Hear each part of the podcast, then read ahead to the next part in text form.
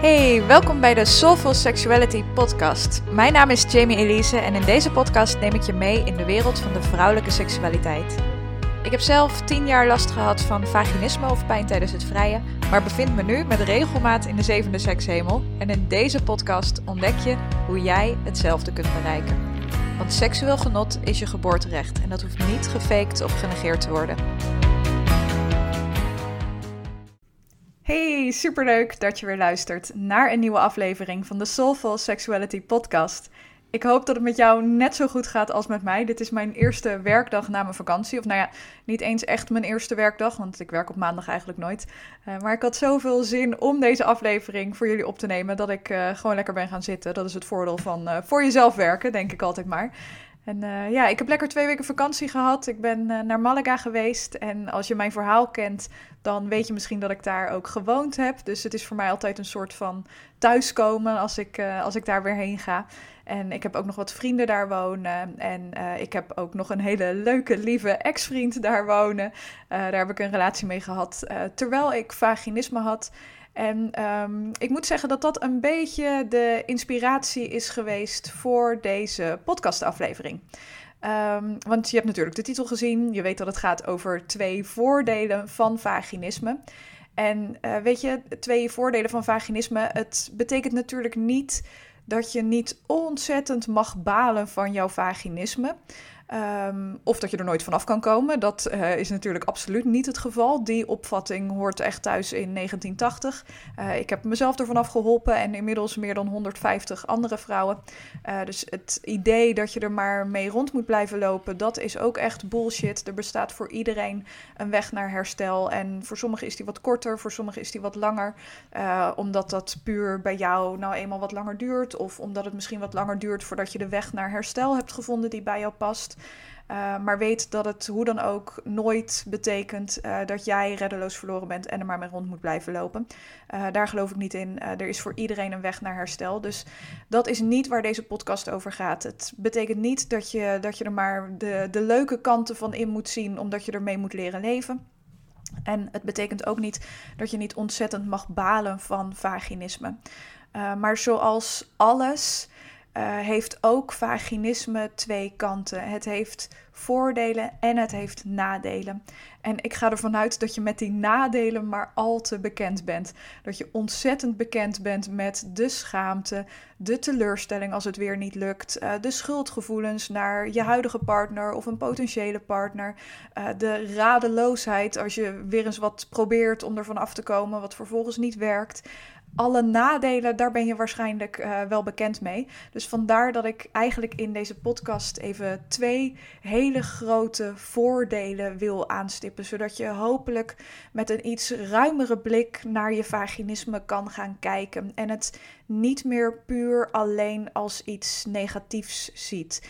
Uh, zo zie ik het zelf ook niet. Um, ik vind het heel erg zonde dat ik tien jaar lang seks heb gemist eigenlijk. Omdat ik dacht dat penetratie seks was. Uh, dus het is niet eens echt door mijn vaginisme dat ik tien jaar seks gemist heb. Maar puur omdat ik niet thuis was in de wereld van seks is meer dan alleen penetratie. Um, ik vind het ook heel erg kut voor mezelf dat ik tien jaar lang die schaamte, die teleurstelling en al die nare emoties heb moeten voelen en met me mee heb moeten dragen. Uh, maar inmiddels kan ik het ook echt als iets heel erg moois zien. En een van de voordelen van vaginisme is, uh, en dat werd me dus duidelijk dankzij mijn ex-vriend, met wie het inmiddels nou ja, vijf en een half jaar uit is, maar met wie ik nog steeds heel erg goed bevriend ben. Um, vaginisme, het feit dat je of helemaal geen seks hebt, uh, of uh, ja, geen seks zoals je dat eigenlijk zou willen met penetratie, maakt je relatie vaak veel sterker als je seks, en, en dat was bij mij het geval, wij hadden helemaal geen seks. Als je seks uit de relatie haalt, wat blijft er dan over? Vriendschap. En heel veel mensen balen daarvan. Heel veel vrouwen die ik spreek ook voordat ze mijn coachtraject ingaan, uh, die zeggen ook van ja, het lijkt een beetje alsof we als broer en zus leven en uh, wij hebben helemaal geen seks. En ik snap natuurlijk dat dat niet is wat je wilt, maar een vriendschap is wel een ongelooflijk sterke basis voor een relatie. Um, en dan is het natuurlijk wel de bedoeling dat je het over je vaginisme hebt. Uh, ik weet nog dat ik begin twintig uh, was. Toen had ik ook een relatie met iemand. En dat was absoluut geen fijne relatie. En ik deed gewoon alsof mijn vaginisme niet bestond. Dus wij hadden seks met penetratie. Ik had ontzettend veel pijn. En ik snap nog steeds niet dat hij dat niet zag. Ook al is het in de eerste plaats natuurlijk mijn verantwoordelijkheid om aan te geven dat het pijn doet en dat we moeten stoppen.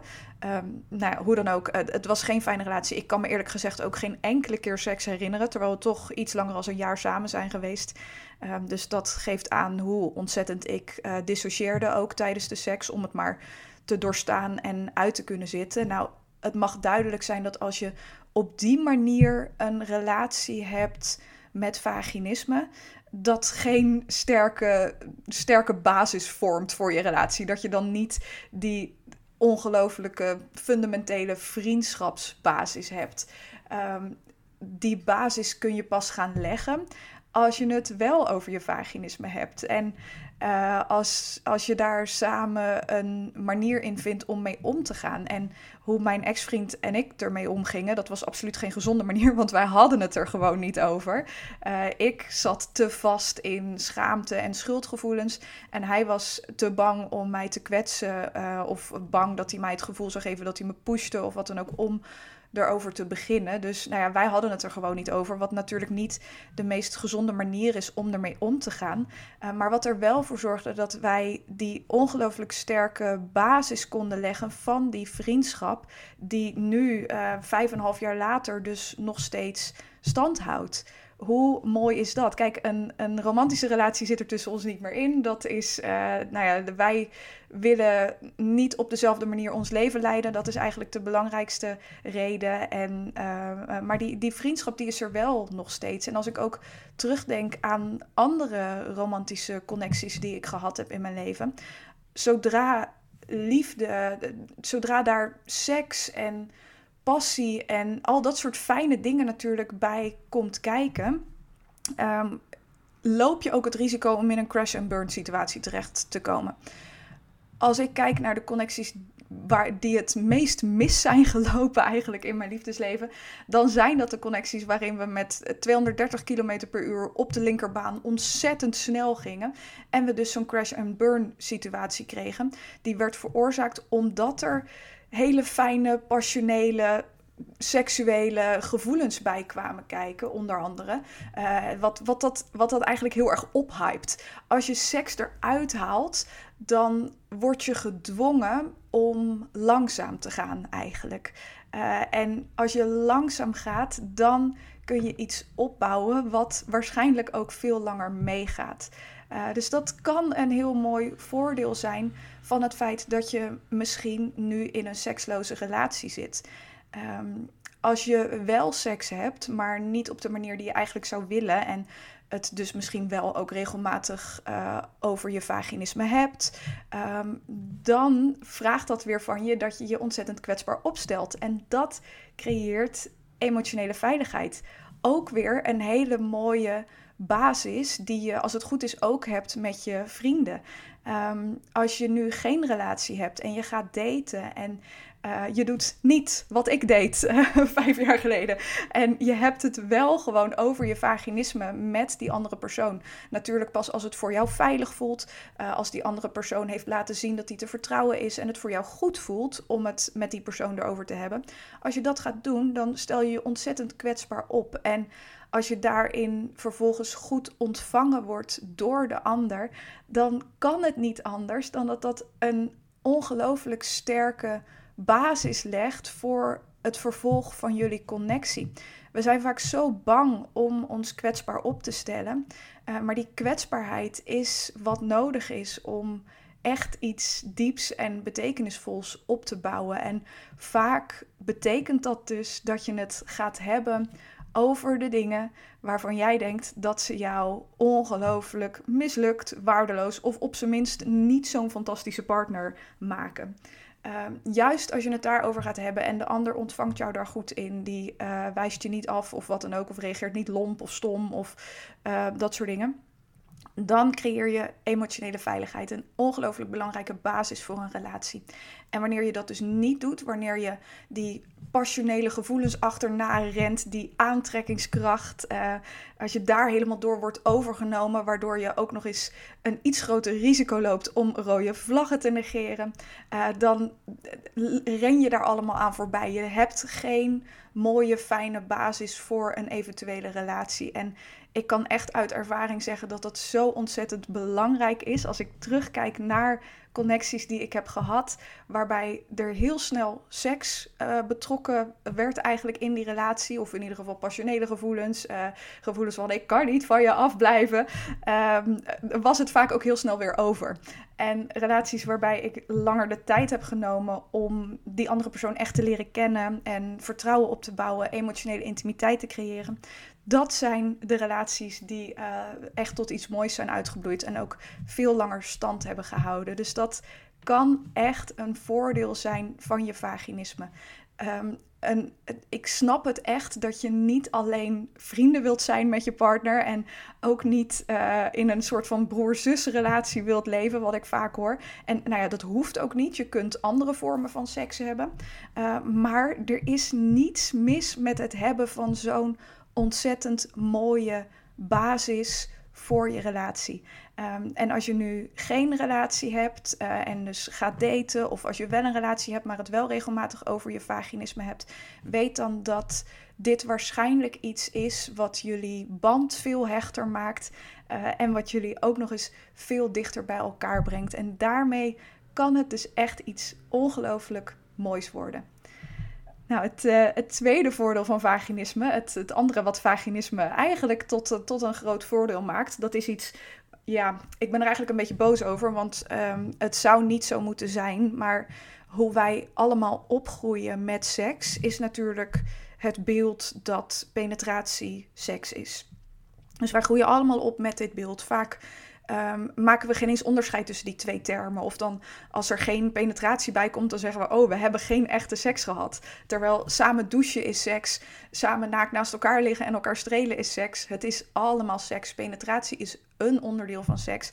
Maar dat leren we niet um, wanneer we opgroeien eigenlijk. En de manier waarop wij opgroeien met seks is uh, een manier waaruit vooral mannen seksueel genot halen. Penetratie is een vorm van seks waar maar 20% van de vrouwen een orgasme van krijgt. Het doet het hem gewoon niet voor de meeste vrouwen. Het kan wel lekker zijn, helemaal in combinatie met clitorale stimulatie. Uh, maar het is vaak niet de end-all be-all van seks, zoals het dat voor veel mannen wel is. Ook absoluut niet alle mannen. Uh, maar de manier waarop wij dus opgroeien met seks is niet de manier die over het algemeen voor ons lichaam voor het grootste genot zorgt. We leren letterlijk van oké, hij heeft een erectie nodig. Dus we leren ook wel dat hij opwinding nodig heeft. Want uh, hij heeft een opwinding nodig en een erectie. En vervolgens moet het bij jou allemaal maar gewoon kunnen. Want jij hebt al een gat en daar moet het in. Um, en dit is dus niet de manier waarop heel veel vrouwen van seks genieten. En als het dus letterlijk niet werkt op die manier, zoals bij jou, als je vaginisme hebt, uh, je hebt een gat, maar het kan er niet in, uh, dan word je eigenlijk gedwongen om jouw seksualiteit te onderzoeken. Um, en er zijn onderzoeken gedaan naar vrouwelijk seksueel genot. En maar liefst 60% van de vrouwen geniet niet van seks. 60%. Dat is meer dan de helft en dat is ontzettend veel.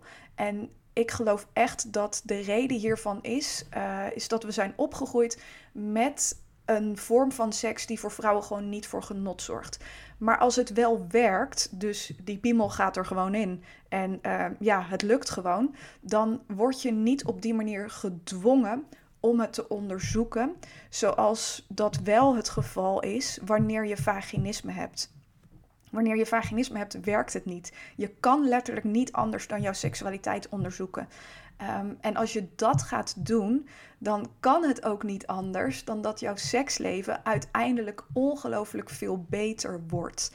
Uh, mensen denken nog wel eens dat vaginisme herstel draait om het kunnen hebben van penetratieseks.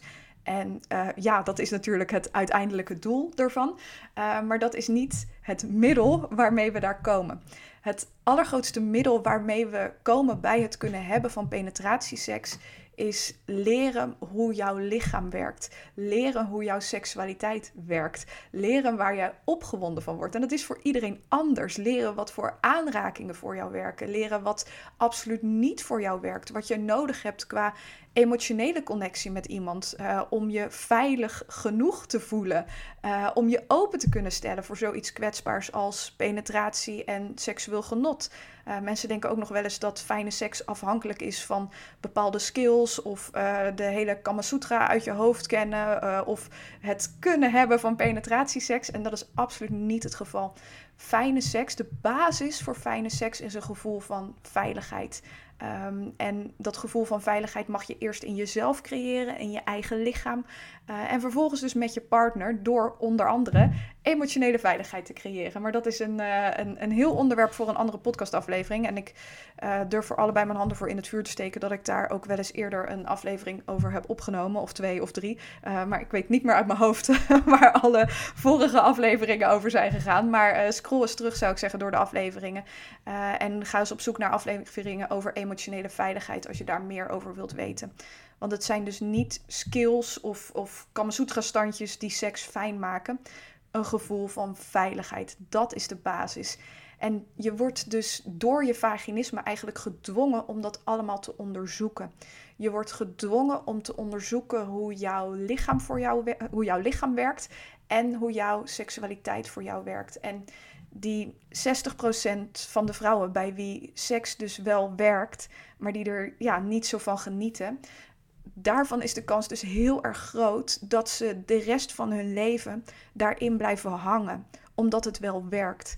Er zijn zoveel vrouwen, en echt, ik spreek ze, bij wie penetratie wel lukt, uh, maar die echt zoiets hebben van ja, ik vind seks gewoon niet zo boeiend. Uh, ik doe het vooral om mijn partner een plezier te doen. Ik ben bang dat mijn partner anders bij me weggaat. En het is meer een soort taak op een takenlijstje van, nou, we hebben het al uh, drie weken niet gedaan, laten we het maar eens doen. En oh my lord, dat is echt niet hoe je wilt dat seks voor jou is. Uh, dat, dat is niet wat je wilt van jouw seksleven. Dat is niet wat je wilt van het cadeautje van jouw lichaam. Het cadeautje van moeder natuur, wat seksueel genot is. Uh, je wilt daar, uh, als je hier bent, waarschijnlijk alles uithalen wat erin zit. En het feit dat jij vaginisme hebt, hoe vervelend ook, betekent dat je uiteindelijk een veel minder grote kans hebt om bij die 60% van die vrouwen te horen die gewoon niet van seks genieten. Ehm, de kans wordt veel groter dat jij uiteindelijk aan de, aan de andere kant van die donkere tunnel, die uh, vaginisme is, uitkomt bij een seksleven waar je wel van geniet.